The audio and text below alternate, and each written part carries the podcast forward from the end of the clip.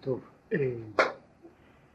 התחיל הפעם מאמר פרשת השבוע, דף ט"ז עמוד א', חיי שרה. זהו, המאמר הוא מאמר בעיקרו עוסק בנושאים שונים שהם כלליים למדי, אבל אבל הוא שייך לפסוק ואברהם אברהם זקן בא בימים. ומיד הוא יגיע גם לפסוק הזה ואז יתברר שיש קשר. כן. אה, להבין עניין מה שאמרו חז"ל יפה שעה אחת בתשובה ומעשים טובים בעולם הזה מכל חיי העולם הבא. כך יש מאמר חז"ל שאומר לפי זה יפה שעה אחת בתשובה ומעשים טובים כאן מכל חיי העולם הבא. צריך להבין, הלא לכאורה תכלית תשובה ומעשים טובים. מה קורה על ידי התשובה ומעשים טובים? תכלית תשובה ומעשים טובים הוא שמהם נעשו, נעשו לבושים לנשמה שתוכל ליהנות מזיו השכינה בעולם הבא. כן. כשהנשמה מגיעה לעולם הבא צריכה להתלבש.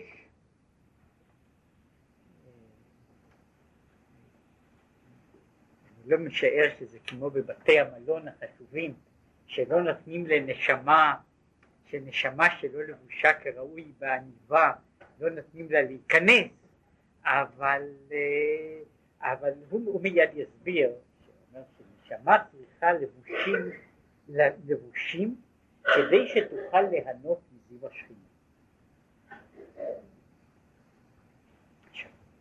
וכמאמר הזוהר,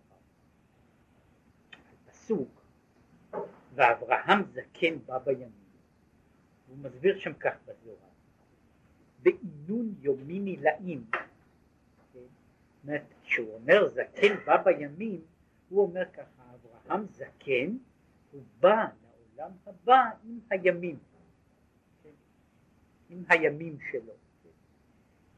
והימים, הוא אומר, הימים, יום, כך מובא, גם כך מבינים ומסבירים גם ב, את העניין הזה של, של, של יום, יום בבריאה, יום הוא בעצם אור, כן?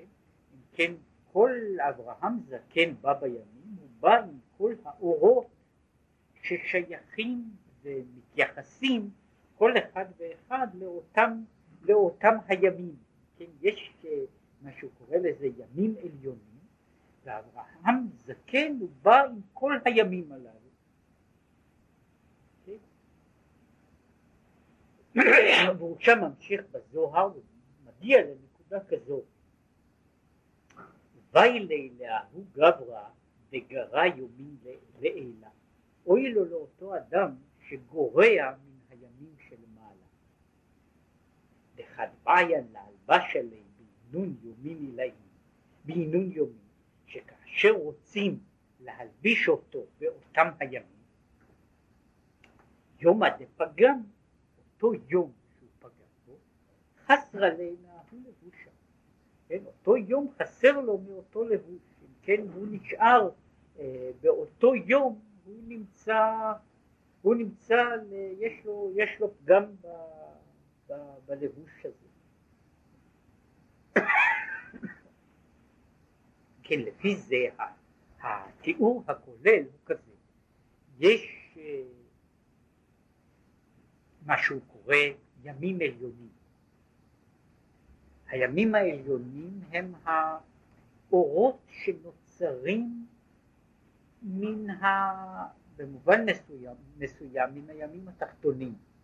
אה, היו אומרים על זה, על זקן בא בימים, יש מאמרים מאוחרים באותו עניין שאומרים ככה שהוא בא עם כל הימים שלו.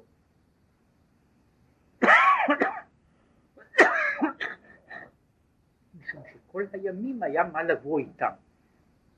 אה, לפעמים קורה שבן אדם בא וכמו שהוא אומר חסרים לו כמה ימים. ולכן היו אומרים שיש סיפור שמספרים אצל חסידים שיושבים בשמיים שני אנשים ומחכים שם בתור להיכנס. מכניסים אחד ואז השני צועק מה זאת אומרת? מדוע הוא קודם? אז אומרים לו מפני שהוא יותר מבוגר.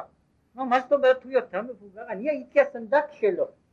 כן, אומרים השאלה היא אבל עם כמה ימים אתה בא למעלה כן עכשיו המספר הימים שהוא בא איתם היה מספר כל ימיו והימים שאתה באת בשבילנו אתה עוד תינוק קטן כן?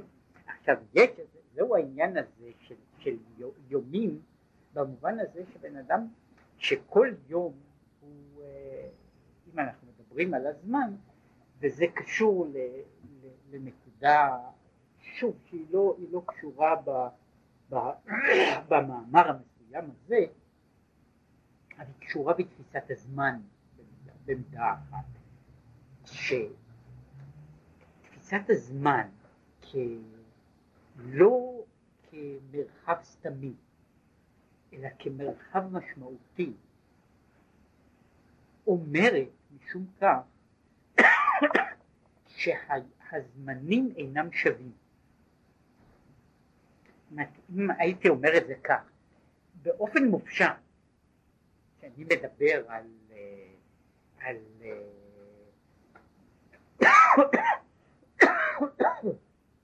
על מרחקים, על סנטימטרים בחלל, אין שום הבדל בין סנטימטר אחד לסנטימטר שני. כשאני מדבר על סנטימטרים בתוך מדידה בתוך העולם הזה, כל פיסה של דבר שאני מודד, יש לה שוני מדבר אחר. אומרת, אני, אני יכול לומר שבהחלט יש, יש אלף קילומטרים מכאן עד לכל מקום אחר באותו רדיוס, אבל יש הבדל ניכר מה נמצא באותם המקומות. עכשיו בבחינה הזו תפיסת הזמן היא גם כן תפיסה שהזמן איננו יחידות סתמיות ריקות. יש, כשם שיחידות החלל הן רק באופן מופשט יחידות סתמיות.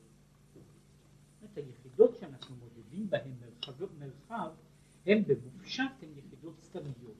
בתוך המציאות הן יחידות שבכל אחת יש תוכן מסוים ויש לה לכן אופי מסוים. לעומת זאת היחידות, היחידות של הזמן נראות לנו בתור קוביות ריקות. בזמן שאנחנו אומרים שאין הדבר כזה, אלא כל יחידה של זמן יש לה מהות לעצמה, יש לה אופי לעצמה. אומרת, יום שלישי ויום רביעי נבדלים אחד מן השני לא רק משום שהם מה שקוראים מספרים באיזושהי סקאלה אלא משום שיש להם לכל אחד מהם אופי אחר כמו שיש לצבעים שונים בקשת או שיש ל, ל, למקומות שונים בתוך הגיאוגרפיה. ולכן כאן גם עולה הלאה מזה שבעצם אין שני ימים אפילו שני רגעים שווים. אלא כל אחד מהם הוא הוויה בפני עצמה. ומשום כך הבעיה היא שאני יכול לעשות היום מה שהייתי צריך לעשות אתמול. אבל ביום אתמול היה לזה צבע אחר, היה לזה אופי אחר, ומה שעשיתי, מה שעשיתי היום הוא שייך להיום. אומרת, ויש לו, ויש לו ממילא אופי אחר ומהות אחרת, זאת אומרת, מפני שהזמן של היום והזמן של אתמול וכל זמן אחר, הוא כל אחד ואחד יש לו אה, אופי משלו. עכשיו, העניין הזה שבן אדם בא עם כל ימיו, זאת אומרת שכל אחד מה, מהזמנים השונים של החיים שלו הוא זמן שיש לו תוכן. שיש הרבה מאוד זמנים שהם בשביל סתם אדם הם רק uh, קטעים ריקים, ואז כמו שהוא אומר, חסר לו בתוך המרקם של הלבושים, חסר לו משהו. אז זה, זה בעיה של זמן. אבל עכשיו מדברים באופן כללי שיש אותם לבושים לנשמה, והנשמה צריכה להתלבש בלבוש מלא. ואם היא איננה לבושה, היא איננה יכולה, אוי לו למי שחסר. ויש אה, כיוצא בזה, יש כמה וכמה סיפורים. אה, יש אה, סיפור מפורסם ש, שמופיע גם בכמה ספרי ילדים, שמישהו, שמישהו חולם ש, שללבוש שלו של הלבוש שלו בגן עדן חסר שרוול והוא עושה אחר כך את כל המאמצים כדי לשים שרוול על, על הבגד שלו כן? וכך הלאה. בכל אופן? יש לבושים שעוטפים את הנפש ועל ידי כך מכשירים אותה להגיע ולקבל מן העולם הבא. ושוב, הוא אחר כך ידבר על זה ויעריך עוד בנקודה הזו, שוב, באופן כללי מאוד, הלבושים הם מדיום, אמצעי, אמצעי מעבר בין, ה, בין האני ובין החוץ.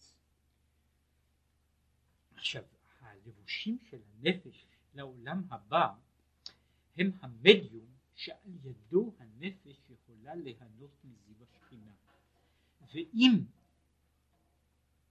אין לה לבושים, היא אז נמצאת באופן שהיא לא יכולה לקבל שום דבר מן המציאות, מן המציאות, מן המציאות של מעלה, משום שחסר לה, חסרה לה דרך לה האמצעי, המנגנון להעביר, להעביר תוכן מנקודה אחת אל נקודה אחרת ואז יש איזה מין מחסום מחסום שאיננו נותן לה, להגיע להעברה, לה, לה, להשתנות הזו שבה, ש, ש, שצריכה, שצריכה הנפש לעבור. כפי שהוא אומר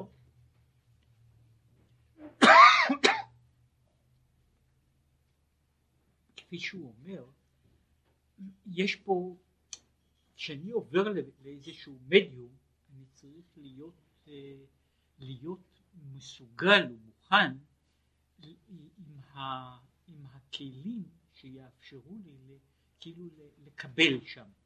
ואם אינני מצויד באותם הכלים שנותנים לי להעביר את, ה, את הדבר הזה, זאת אני, בשבילי אני נמצא בעצם במחנק. אני אינני יכול לקבל שום דבר משום שבעצם אינני יכול, אינני יכול להתייחס אל, ה, אל הדבר שאני נמצא בו. עכשיו זה, זהו העניין הכללי של הלבושים הללו, ושהוא מסביר שה... והוא אחר כך יסביר עוד בפרטות מדוע הנפש זקוקה ללבושים כאלה ואיננה יכולה להגיע כאילו למגע ישיר. שזו אחת השאלות מדוע הנפש איננה יכולה להגיע למגע ישיר עם האלוקי מפני שלמשל כשהנפש נמצאת בעולם הזה כדי שיהיה לה איזה סוג של, אומרים את זה, אינטרפייס עם העולם הזה, היא זקוקה לגוף. ונשמה בלי גוף, זאת אומרת שאם הנפש לא מתלבשת למשל כאן בגוף, אין לה שום מגע עם העולם. כדי שיהיה לנפש מגע עם העולם, היא זקוקה לבגד, והיא לובשת את הבגד הזה שהוא uh, הבגד הבגד של, הבגד של הגוף. אה, כיוצא בזה, ובדומה לזה, גם אמרו ועסקו באותו עניין,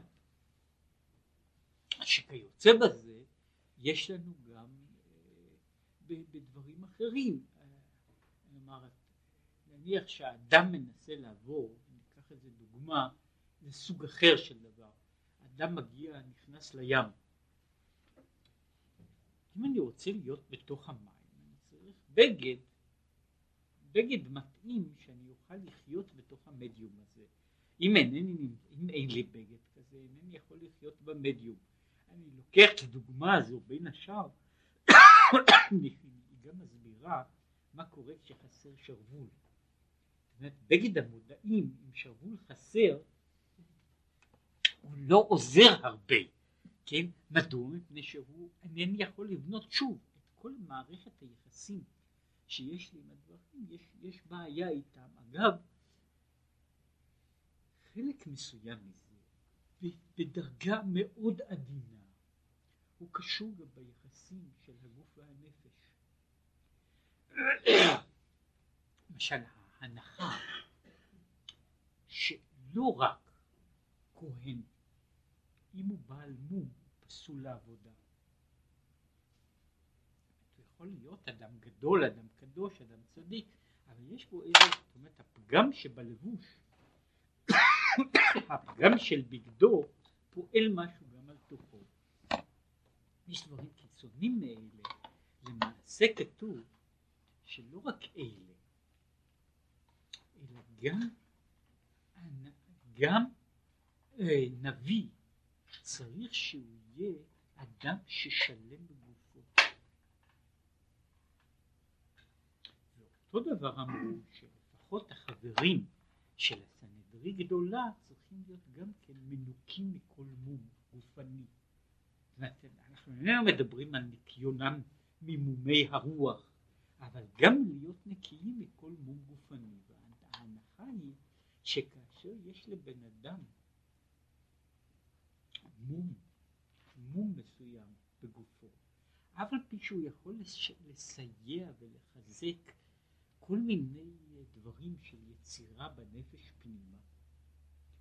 כל זאת, החיסרון הזה איננו נותן לו אותה מידה של שלמות, של, של כזה, של הרמוניה, שהיא נחוצה בשביל תפקידים שהם תפקידים יוצאים מן הכלל, כן, של הכהן, הנביא וה, וה, והשופט. כן? מפני שאני אומר שכאן החיסרון בלבוש, ולו גם חיסרון קטן, שאיננו אומר שיש חיסרון בנפש, אבל החיסרון הוא חיסרון בלבוש, החיסרון הזה בלבוש הוא בעצמו יוצר בעיה. זאת שהאדם הזה בתוך העולם הזה יש לו, יש לו קושי, יש לו, יש לו בעיה והיא היא איננה נותנת לו למלא למלא את המהות, המהות הדקה הזו בשלימות. זה אגב הוכח. בניגוד למה שתמיד נחשב בכל מיני מקומות, שאדם כזה שהוא, שהוא נאמר פגום ופצוע וכולי וכולי, הוא בהכרח האדם הקדוש. כן? באמת, וזו גם אחת הסיבות שהייתה אחרי הכל התנגדות ניכרת בתוך העולם היהודי של אנשים שמטילים מומים בעצמם ולא חשוב מאיזה שהם אה, אה, מטרות גבוהות ועליונות באמת משום שההנחה הייתה שיש שהחיסרון הזה הפגם הפגם יש לו השפעה לא רק על התפקוד הגופני.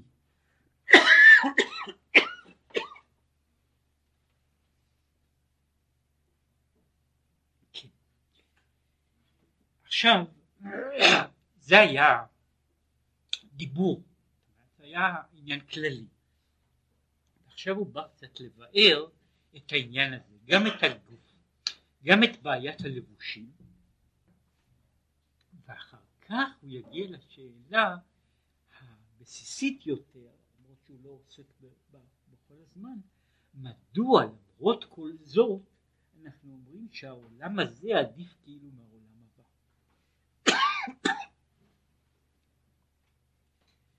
הבא. והעניין, והנה עניין זיו השכינה בעולם הבא אינו כמו התפשטות חיות אלוקות בתוך העולמות. כשאנחנו מדברים על העולם הבא ועל הארה בעולם הבא סביב השכינה ההערה הזו איננה דומה למה שאנחנו מדברים בו שיש אור אלוקי שמחיה את העולמות. זאת אומרת אנחנו מדברים פה על שתי מהויות. יש מהות הזו של האור הנמצא בתוך המציאות, המחיה אותה מתוכה, אבל יש הזיו של העולם הבא שהוא מעבר לאור או להערה הזו והוא שייך למה שאפשר לקרוא תוספת אור שמאירה בתוך העולם הזה. הוא מסביר את זה. יש באופן כללי, יש התפשטות חיות אלוקית בתוך העולמות. וכמו, וכמו שכתוב, ואתה מחיה את כולם. שהחיות אלוקית המתלבש תוך עלמין אינו מושג ונראה. יש חיות, אבל החיות הזו, החיות האלוקית שבתוך העולם איננה מושגת לנו. אנחנו מכירים עולם, אנחנו מכירים מציאות, אבל אנחנו איננו רואים את החיות. אומר, כמשל התפשטות החיות של הנשמה תוך הגוף בהתחלקות האיברים. עכשיו בוודאי בחיות רוחני לא שייך גם לא שייך כלל שיהיה בו גם כן התחלקות החיות לחלקים. כי אין ברוחניות שום תמונה וציור. זאת אומרת, מצד אחד אני אומר שיש עניין רוחני שמחיה את היד יש מהות אחרת שמחיה את הרגל, את כוח הראייה או את כוח השמיעה, את כוח ההילוך או את ה... או כוח אחר שבא, שבא, שבא בגוף. אבל אינני אומר שיש הנשמה בנויה כמו גוף קטן, כן, עם חלקים שמקבילים לחלקים הללו של הגוף אחד מול השני, משום שאי אפשר לדבר על דבר רוחני על חלוקה כזו, חלוקה וציור של ראש, ידיים, רגליים. והנה, התפעלות החיות באיברים ניכר ונראה, אבל מהות ועצמות החיות אינו נראה וניכר כלל. כאשר אני מדבר על החיות האלוקית, החיות של הנשמה בגוף, אני מרגיש את החיים בעצם הפעולה של האיברים. פעולת האיברים היא הביטוי של חייהם, של חיותם. אבל הדבר הזה איננו ניכר כשלעצמו. אני אינני רואה, אה, אף על פי שכוח היד, היד הכותבת, מבטא איזושהי חיות של הנשמה, אבל אני אינני רואה חיות של נשמה כדבר, כדבר כהוויה. אני רואה את כוחה של החיים הפועלים של הנשמה בגוף. אני רואה את הפעולה, אני רואה את התוצאה, אבל אינני רואה את הדבר בעצמו. עכשיו כמו כן, חיות אלוקות המחיה כל העולמות בעלי גבול ותכלית, בוודאי אין בחיות הרוחני בחינת גבול ותכלית. דרך משל, חיות המחיה את עיגול כדור השמיים, בוודאי לא ייתכן לומר שגם החיות הרוחני הוא בתמונת עיגול. כן, אומר, כשם שיש, נאמר, יש עיגול, יש כדור הארץ, ויש לו חיות אלוקית, אז אני לא יכול להגיד שיש חיות אלוקית עגולה שמחיה את הכדור העגול הזה וכיוצא בזה. רק שהתפשטות החיות הוא לפי תמונת כלי המקבל החיות. אך אמנם בדבר שהוא כדור, אם הוא מלא חי, חיות כלשהי, החיות מגיעה בו, החיות פועלת בכדור. חיות שנמצאת ביד, נמצאת בתוך יד, פועלת בתוך יד. אבל מכל מקום, החיות עצמו אינו בגדר מקום וגבול. כן, יש לנו פה שני דברים שאין להם בעצם שייכות. החיות היא כוח שבוודאי אין לו צורה ואין לו תבנית מסוימת, אף על פי שיש לו יחס אל הדברים שמקבלים חיותם ממנו, אבל היחס הזה איננו כזה שאני יכול להקיש מהצורה של, ה, של הדבר הנראה על הצורה, על הצורה או על המהות של החיות. ואין שום, שום התקשרות ישירה בדברים הללו. מכאן שכל העניין, כל ההגדרה של מהות אלוקית, כוח אלוקי, שמחיה את העולם, הוא במובן מסוים, הוא אמנם מחיה את העולם, אבל הוא מצועף ומוסתר בתוך העולם, והוא איננו ניכר, נגלה ומורגש בתור שכזה. מה שניכר ומורגש לנו הוא דבר לגמרי אחר. אנחנו מרגישים את ההשפעה של החיות שמחיה את הדברים, אבל לא אותה בעצמה. ובזה יובן, דכתיב, מצד אחד כתוב ככה, מלוא כל הארץ כבודו, ותרגומו, התרגום מתרגם את זה, את מלוא כל הארץ כבודו,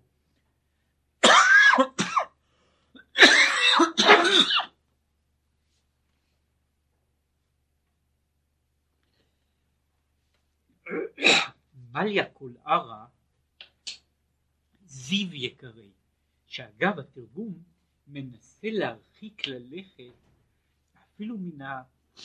התרגום, לו התרגום היה מדויק מילולי, הוא היה צריך להגיד מלוא כל הארץ כבודו, מליה כל ערה יקרי.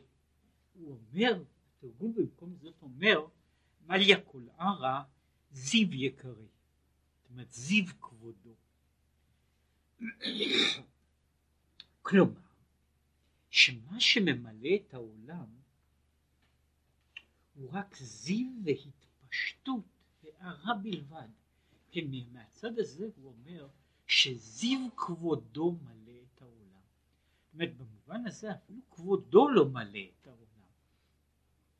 ויש משהו שמאיר וזה ממלא את העולם. כתיב מצד אחר. את השמיים ואת הארץ אני מלא. יש פה ההבדל שמצד אחד אנחנו מדברים על זיו יקרי, הזיו של כבודו, שהוא די דומה לעניין הזה של שם כבוד מלכותו. ומצד שני יש פה דיבור הרבה יותר חריף, שהוא נראה עולם אחר, את השמיים ואת הארץ אני מלא, אני, ממש. והעניין ששניהם אמת. זאת אומרת שאנחנו מדברים על החלוקה הזו,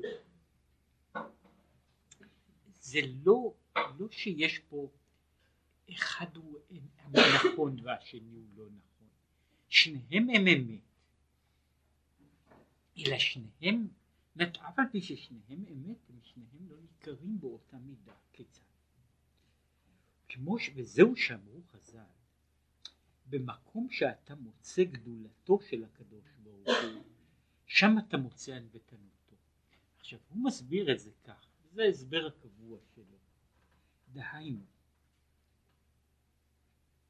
לא כמו שהעולם סוברים, אנשים חושבים שגדולת הבורא נקרא מה שהוא יתברך מחיי כל העולמות. הם אומרים מהי גדולתו של הקדוש ברוך הוא? הוא לא רק מפרנס נאמר ככה את החלקה אה, קטנה פלונית מפרנס מדינה שלמה יבשת שלמה כדור הארץ שלם מערכת שמש שלמה וככה וככה וככה הלאה אז הוא אומר שאדרבה זו, זה שהוא מחיה את כל העולמות, זו לא גדולתו, זוהי ירידה אצלו יתברך, שמשפיל עצמו ומתלבש תוך כל עלמין להחיותם ולקיימם. זה בעצם ענוותנותו, כמו שהוא יגיד, זו השפלה בשבילו שהוא מחיה את כל העולמות. אומרת, זה לא עניין של גדולתו שהוא מחיה את העולמות, אלא זה עניין של השפלה, שהוא יכול, הוא יורד כל כך נמוך עד שהוא מחיה את העולמות כולם. ומה שכתוב, ואתה מחיה את כולם, שזה הרי שבח לקדוש ברוך אינו שבח בבחינת גדולתו יתברך. כי לגדולתו אין חקר ולתבונתו אין מספר, ולהגיד אתה מחיה את כולם, הוא בבחינה זו הקטנה של המהות, המהות האינסופית של הקדוש ברוך הוא. אלא שהשבח הוא בבחינת ענווה שלו. שיוכל להשפיל את עצמו. זאת אומרת, אני רואה, לפעמים, זאת אני רואה ואתה מחיה את כולם. זה כאילו שאלה, באיזה ניגון, באיזה טון אני אומר. ואתה מחיה את כולם, אני יכול לראות אותו. כמה אתה גדול.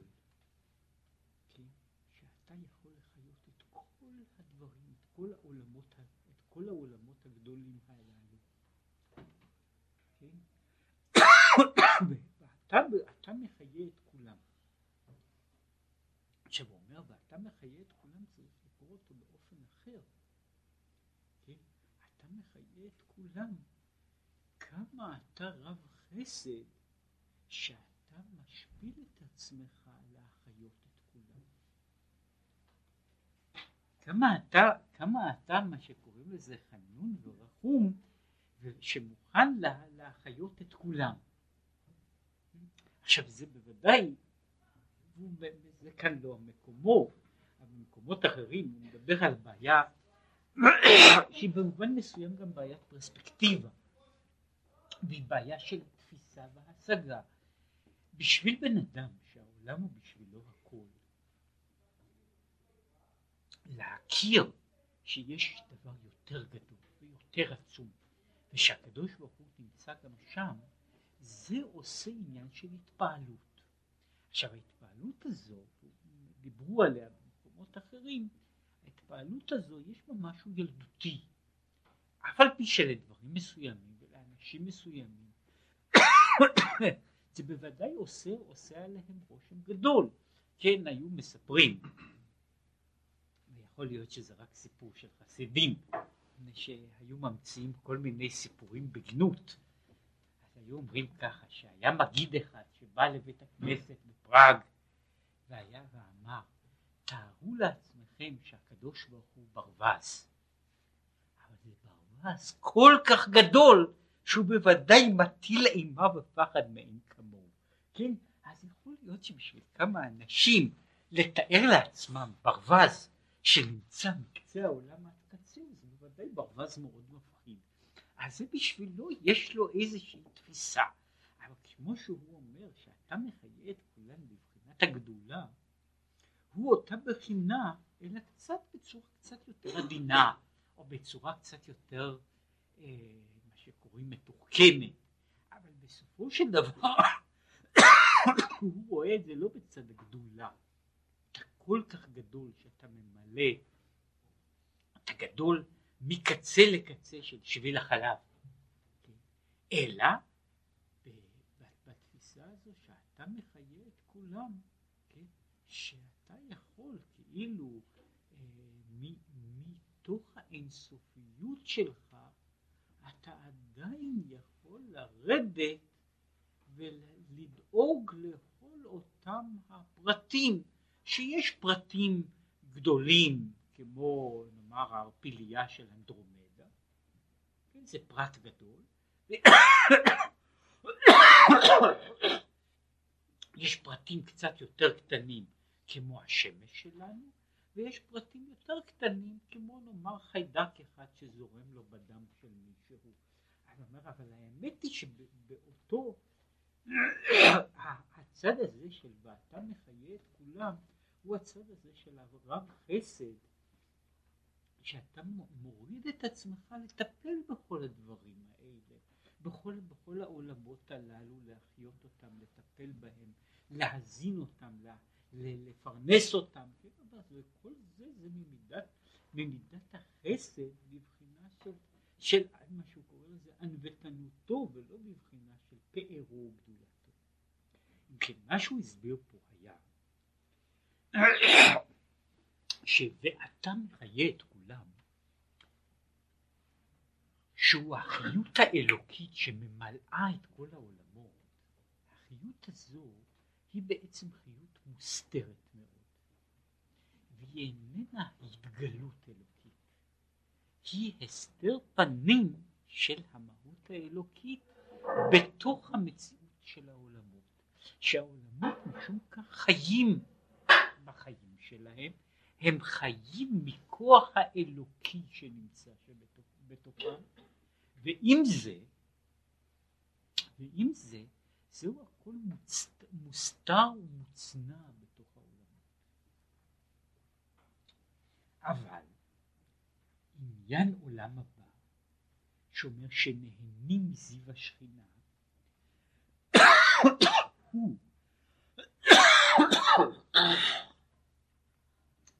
השגת מהות ועצמות, התפשטות החיות אלוקית בבחינת גילוי. כשאנחנו אומרים ש... שצדיקים נהנים מזיו השכינה, הם נהנים מן ההארה הישירה ולא מן החיות המסתתרת.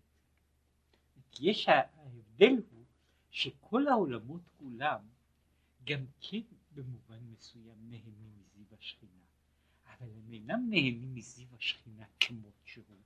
אנחנו נהנים מזיו השכינה כפי שהוא מסתתר בתוך המציאות, וכאשר הוא מסתתר בתוך המציאות הוא איננו ניכר לנו בתור זיו השכינה. כן? הוא ניכר לנו בכל מיני צורות אחרות, שאחדות מהן הן יפות, אחדות מפחידות, אבל הוא ניכר בצורות אחרות. מתי הוא ניכר לנו במהות, במהותו? זה בזמן שהוא, שהנפש נמצאת בעולם הבא, זה מה שהוא קורא לזה שצדיקים נהנים מסביב השכינה, שהם מקבלים את החיות הישירה. זאת אומרת, זה בערך, אם הייתי עושה הבחנה, שההבחנה שהוא כבר דיבר בה, אם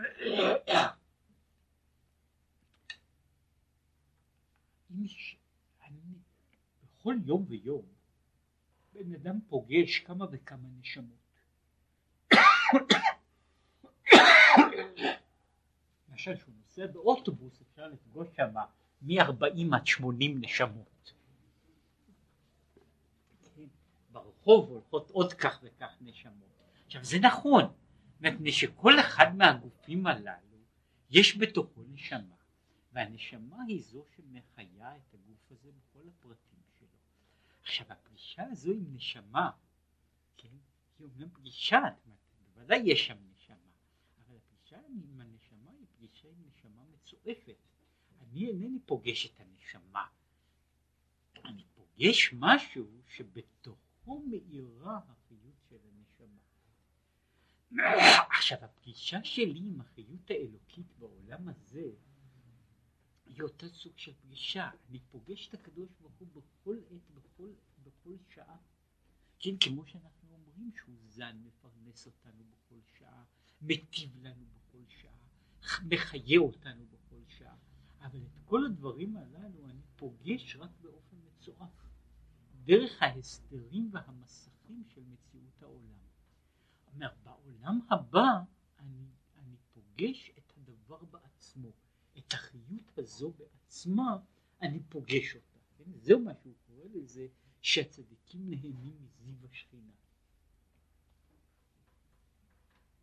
עכשיו, אחרי שהסברנו את העניין הזה של זיו השכינה בעולם הבא, מה ככה?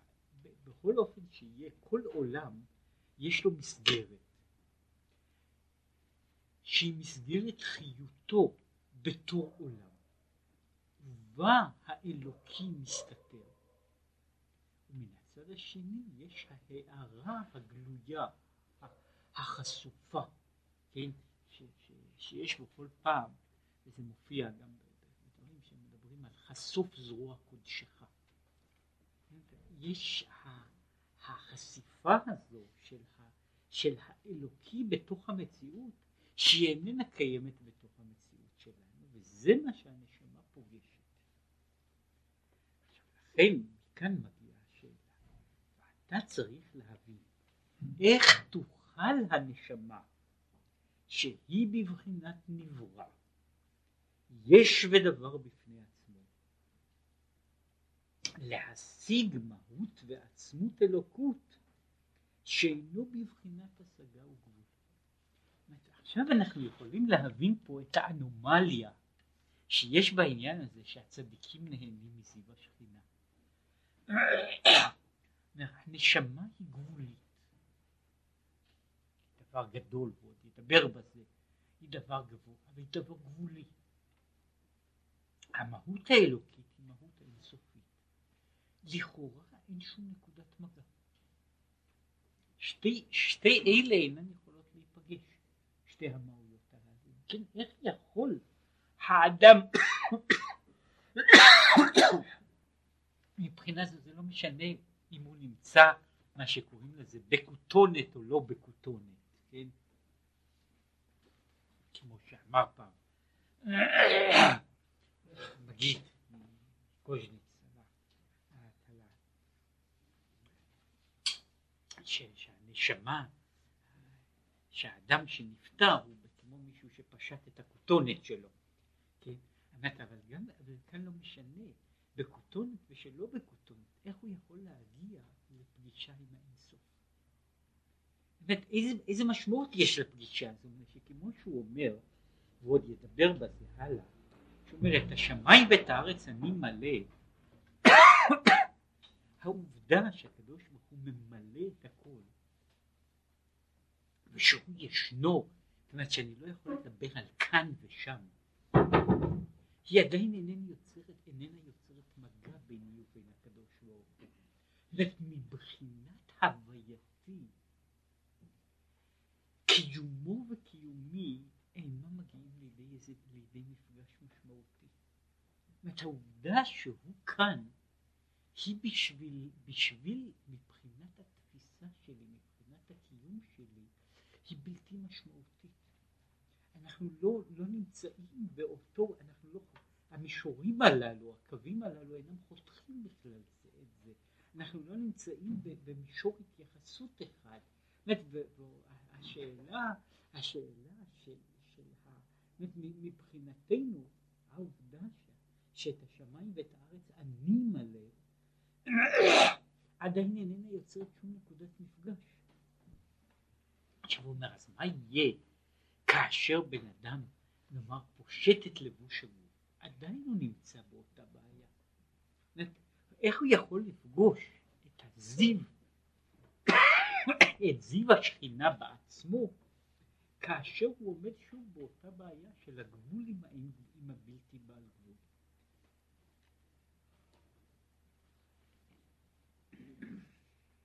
אומר, הוא ממשיך, ואף שהנשמה, אנחנו אומרים שנשמה היא דבר גדול ודבר קדוש, הנשמה היא חלק אלוקה ממעל ממש.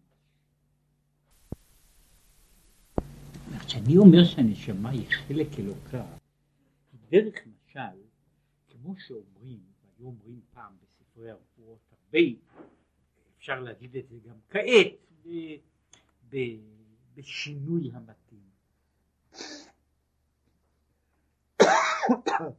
כעניין טיפת הזרע שנמשכה מן המוח. כך אה, זה, זה היה, כמו שאמרתי, אני יכול, אני יכול בצורה מסוימת, שוב, בשינוי הלשון והסגנון המתאים, אני יכול לדבר על אותו דבר גם בזמן הזה שטיפת הזרע נמשכת מן המוח. אבל, ה...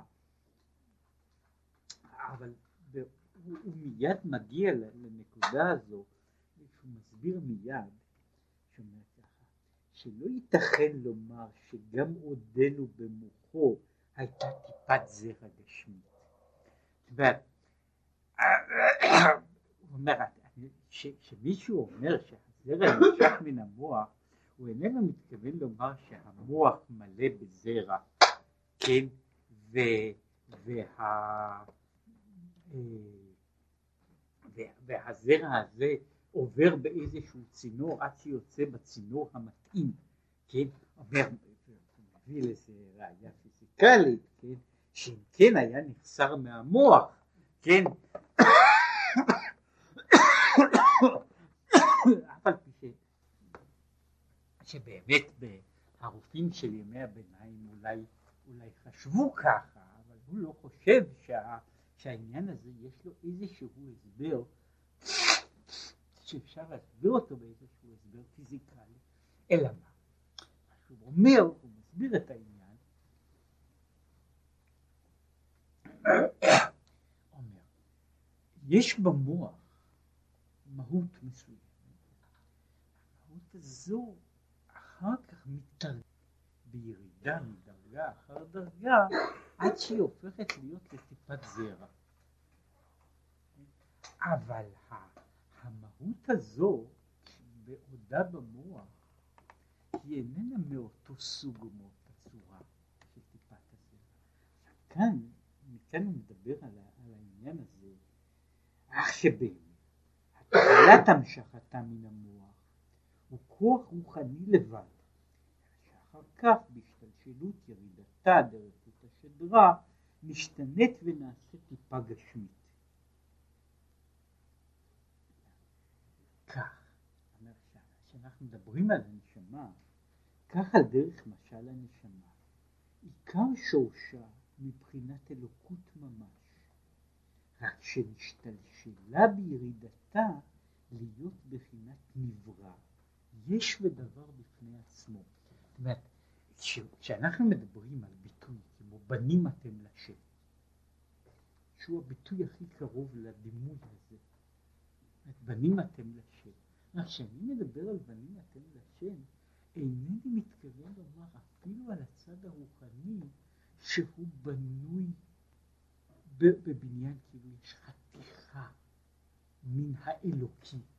בדיוק כמו שאני אומר, כשאני מדבר על המושג הזה, אפילו על מה שהוא קורא לזה, על הנוסח הרפואי הישן, אינני מדבר על חתיכה שעוברת, חתיכה גופנית שעוברת מן המוח החוצה, אלא אני מדבר על, על העברה שיוצרת אחר כך כדוגמתה מציאות חומרית מסוימת. עכשיו הוא אומר, מן האלוקי נוצר הדבר שהוא המקור של הנשמה. אבל הנשמה שנוצרת היא איננה אידנטית למהות היוצרת אותה. כשאני אומר שהנשמה היא חלק אלוקה ממעל, אינני מתכוון כאילו לומר יש חתיכת, חתיכת אלוקים. אני אומר שהנשמה היא הכוח האלוקי שמגיע לאיזושהי צורה שהיא אמנם גם כן צורה רוחנית, כן? אבל הצורה הזו היא בעצמה כבר איננה אלוקים. היא איננה אלוקים, היא עכשיו דבר שמתייחס אל האלוקים, הוא נמשך משם, הוא, הוא, הוא, הוא מקורו היחידי והבלעדי הוא שם. ואף על פי כן הוא לא נמצא באותו אופן, הוא לא נמצא באותה צורה, אם לדבר רק בסגנון דיבור.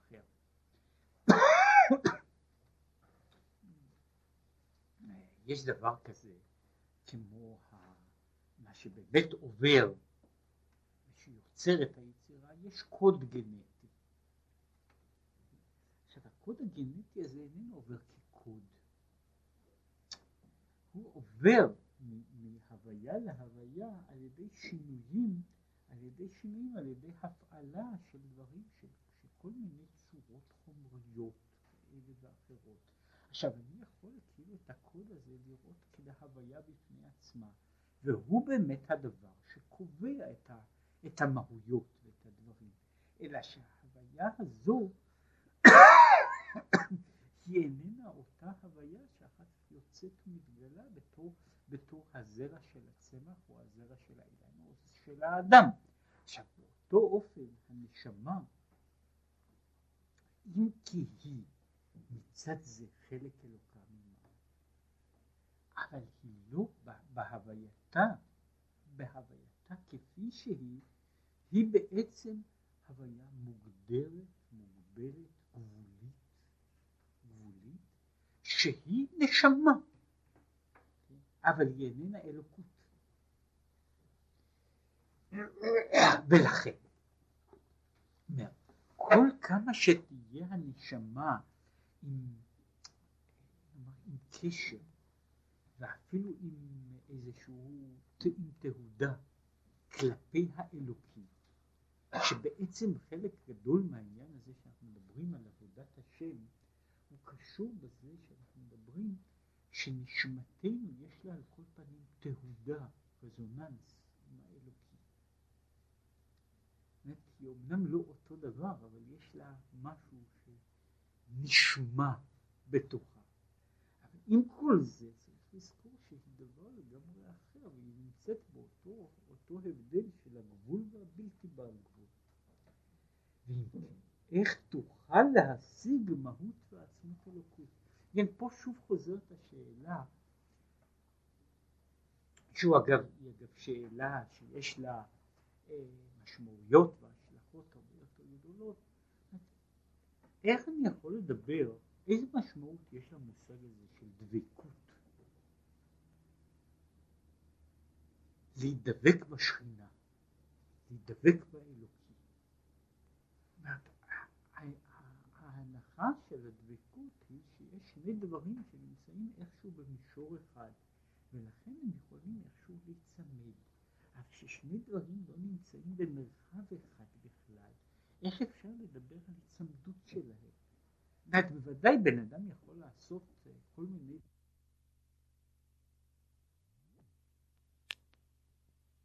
אחרים, כן, אה, מביעוטי לילה עד לחלומות טובים, אבל לדברים האלה אין יותר משמעות, אין יותר ממשות לתחושה, והיא, הוא פה מדבר על העניין הזה, שפעמים התחושה של הדבקות, שבן אדם נדמה, זאת יש לו בוודאי תחושה, אבל זאת לא דבקות, זאת אומרת יש לו, יש לו, יש לו יכול להיות שיש לבן אדם חוויות, חוויות מאוד מעניינות, כן? אבל החוויות האלה הן חוויות שבתחום הנפש, הן לא חוויות שבתחום האלוקי. עכשיו בחלוקה הזו, בחלוקה הזו לכאורה אנחנו עומדים בחיינו ובמותנו, בהיותנו בגוף, מחוץ לגוף, אנחנו עדיין עומדים באותו מרחק מהותי בין הסופי והבלתי סופי, בין, ה, בין המהות האלוקית ומהות הנפש. עכשיו מבחינה זו, לכן הוא אומר שנכון שהגוף יוצר עיוותים שלו. יכולים להיות עיוותים חמורים. אה, בסופו של דבר, בסופו של דבר שהנפש רואה את הכל דרך העיניים של הגוף. היא צריכה לעשות תרגילים גדולים שלא כל אחד מצליח לעשות אותם כדי לצאת מהעיוותים הללו. יש אנשים שלעולם אינם מסוגלים. אומרת, יש אנשים ש, שאינם מסוגלים למשל למחשבה מופשטת אמיתית באיזשהו אופן. זאת אומרת שמחשבה שהיא, שהיא ממשית היא צריכה לקבל צורות גופניות וזה ידוע מעבר לזה שגם אנשים, יש מעט מאוד אנשים שיכולים להגיע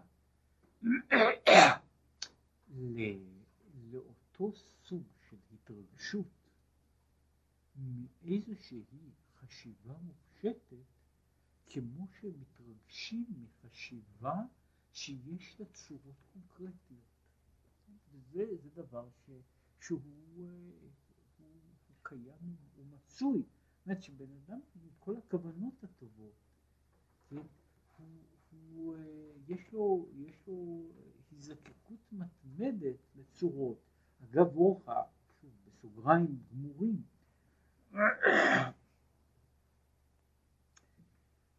הפיתוי הגדול שבכל הצורות של עבודה זרה, שיש ספרים שכותבים, כותבים, וזה מופיע בהרבה ספרים, של, שלכל גזע ולכל עם יש לו חטא מיוחד שלו. יש לו, יש לו חטא ספציפי, זאת אומרת זה לא אומר שאנשים על ידי כך משוללים לעשות גם חטאים אחרים אם הם רוצים, אבל יש חטא ספציפי, חטא לאומי ספציפי, והחטא הלאומי הספציפי של יהודים הוא עבודה זרה. זה החטא הלאומי, זה החטא הספציפי שלנו. עכשיו אני רק רוצה לומר שבמובן מסוים זה לא כל כך עלבון. כן? זה לא כל כך עלבון. מפני שבעצם ההנחה היא שהעם היהודי, הנפש היהודית, יש לה תחושה מיוחדת ותשוקה מיוחדת אל האלוקי.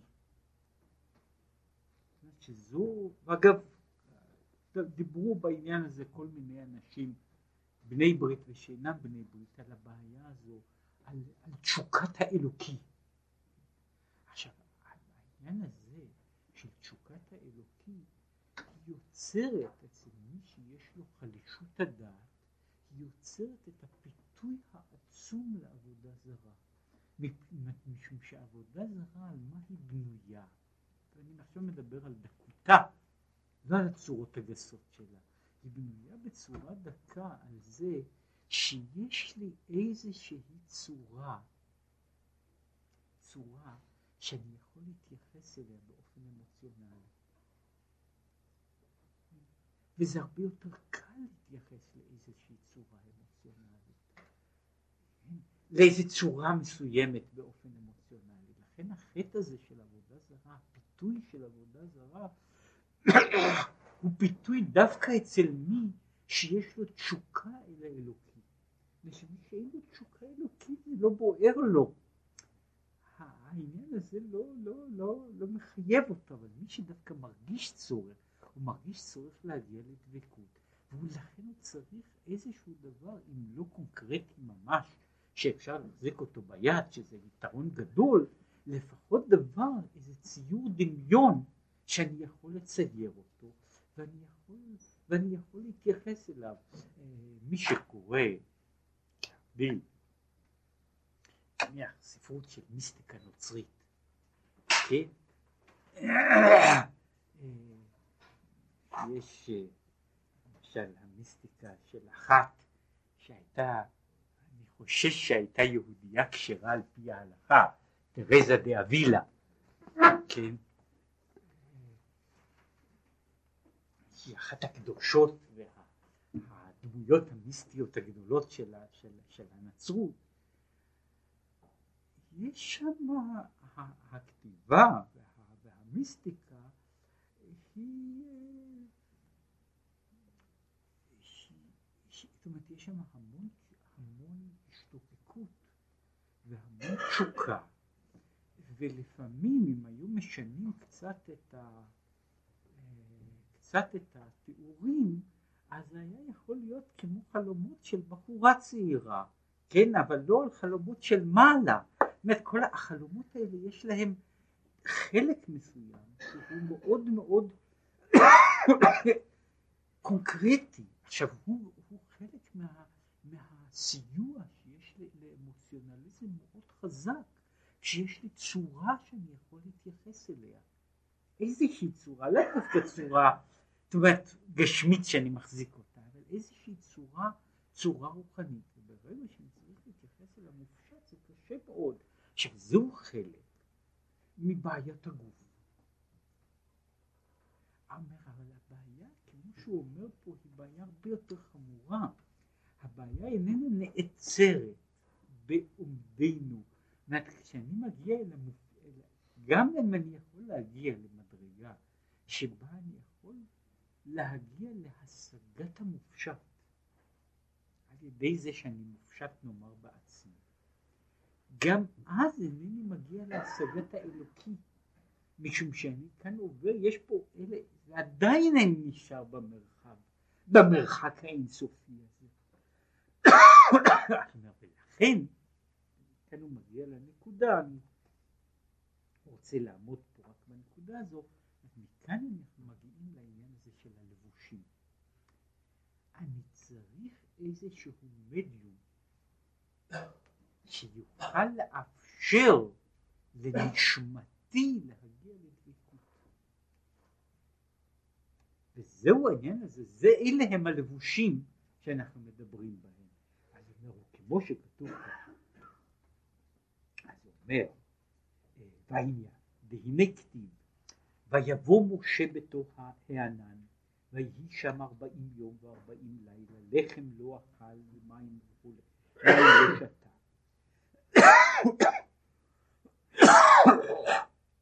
אם כן, היה גופו הגשמי ניזון ממזון רוחני לבד, כמו שכתוב, לחם אבירים אכל איש. אומרים לחם שמלאכי השרת אוכלים. עכשיו, לחם שמלאכי השרת אוכלים איננו מה שקוראים לזה לחם דל קלוריות בהכרח, כן? כן, אז אומר, ממש כמו המלאכים. ואיך יוכל להיות זה שגשמי יקבל מזון וחיות רוחני שמובדלים זה מזה בתכלית. כן, כשאנחנו מעמידים את השאלה בדרגה הרבה יותר נמוכה. משה נמצא 40 יום, בסך הכל 120 יום, לחם לא אכל ומים לא שתה, והוא לחם אבירים אכל. הוא אוכל לחם של מלאכי השרת ניזונים בו. יפה, מלאכי השרת יכולים לחיות על הדיאטה הזאת. כן, אבל בן אדם לא יכול לחיות עליה. זאת האדם איננו יכול לחיות מהמזון של המלאכים, מפני שהמלאכים הם רוחניים, והם יכולים להתפרנס מדבר רוחני, כן? אבל אני אינני יכול, הגוף שלי אינני יכול להתפרנס ממזון, ממזון רוחני. אך זהו עניין הענן, שהיה משה עליו השלום מתכסה. דהיינו, שהיה הענן שורשו ממדרגה מדרגה אלוקית מאוד נעלה, אך שנשתלשל ונתגשם, להיות לבוש למשה, עליו השלום, שעל ידו יוכל להשיג אלוקות והיה לו למזון. זאת אומרת, הוא אומר, זה שהוא אומר שמשה על נכנס בענן, עלה בענן, נתלבש, נתעטף בענן, העניין הזה, הענן הזה, הוא, הוא המדיום שנוצר כדי להיות מעבר בין החומר לבין המהות הרוחנית שהוא מקבל, שעל ידי זה משה יכול לחיות כאילו באופן ישיר מן הרוחני. זאת אומרת, יש לו, יש לו אה, דבר שיכול לתרגם, לתרגם, להעביר את המהות הרוחנית למהות חומרית, או למהות כזו שהגוף יכול, שהגוף יכול לקבל, לקבל אותה. זאת אומרת, באותו אופן, אם להביא שוב משל גשמי מאוד, בסופו של דבר הגוף שלנו חי מאנרגיה, כמו כל הגופים של כל היצורים בעולם. זאת אומרת, הוא חי מאנרגיה, הוא צריך אנרגיה כדי לפעול בכל הפעולות שלו. עכשיו הבעיה היא שהגוף שלנו לרוע מזל איננו יכול לקבל אנרגיה ישירה, כן? מבחינה זו, אה, אה, נאמר ככה, אה, אה, יודע מה, אספסת פשוטה עושה את זה הרבה יותר טוב מאשר בן אדם, כן? מפני שבן אדם איננו יכול לחיות, לחיות או לקבל אנרגיה ישירה, והוא צריך לקבל אותה דרך כך וכך מדיומים. המזון של האדם הוא המדיום שבו הוא יכול לתרגם את האנרגיה, למשל האנרגיה של השמש, איך הוא יכול לתרגם אותה לדבר שיש לו אופן, שדבר שיכול להיות לו משמעות בשביל הגוף האנושי שלו. זאת ולו האדם היה מפתח כלי אחר שהיה יכול לתרגם אנרגיה במישרין, וממילא לא היה נצרך לאכול. מפני שבעצם בעצם הוא נמצא באותה בעיה, הבעיה שלנו היא לא המחסור באנרגיה, אלא הבעיה של הלבושים. אין לנו לבוש שיכול, שמאפשר לנו לקבל את הכוח במישרין. באותו אופן גם לנפש שלנו אין לבוש כזה. עכשיו הוא אומר מבחינה זו, זהו עניין, עניין הלבושים. עניין הלבושים המכשירים שנותנים לנו את הדרך, את היכולת להעביר מהויות שלא בערך אל, אל המהות שלנו. ולכן הוא אומר, כשם שמשה היה זקוק להתעלות בענן, להיטהר בענן, משום שהענן הזה היה דבר שנתן לו את האפשרות לתרגם השפעה רוחנית, מה שהוא קורא לזה לחם שמלאכי השרת אוכלים, להשפעה שת, שתזין, שתפעל על הגוף שלו, אז כך בעולם הבא. הנשמה צריכה גם כן לבושים שיאפשרו לה, יאפשרו לה להגיע אל הקשר עם האלוקים, כן? וזהו כל העניין הזה שהוא דיבר על ימים עילאים, על לבושי הנשמה, הם כל כולם האופנים שבהם האדם יכול להגיע למגע אל האלוקים, וכמו שהוא אחר כך מסביר, הוא אומר שלמעשה לפי זה יוצא שהתורה והמצוות הם מין תווך כזה, מדיום, שהוא מתווך בין האדם ובין האלוקי, שעל ידו, זאת אומרת שלמצווה יש תמיד קצה גשמי וקצה אלוקי, ועל ידה האדם יכול לקבל, זה נעשה התווך שיכול להעביר את ההשפעה אל תוכו. כן? כאמור זה התחלת ה... זוהי פסיעה ראשונה במאמר, זה מה שקוראים, זה הטקט הראשון. בטקט השני הוא ינסה להסביר מדוע אחרי כל אלה תשובה ומעשים טובים בעולם הזה הם בכל זאת יותר מכל חיי העולם הבא, שזהו מהלך ממין אחר.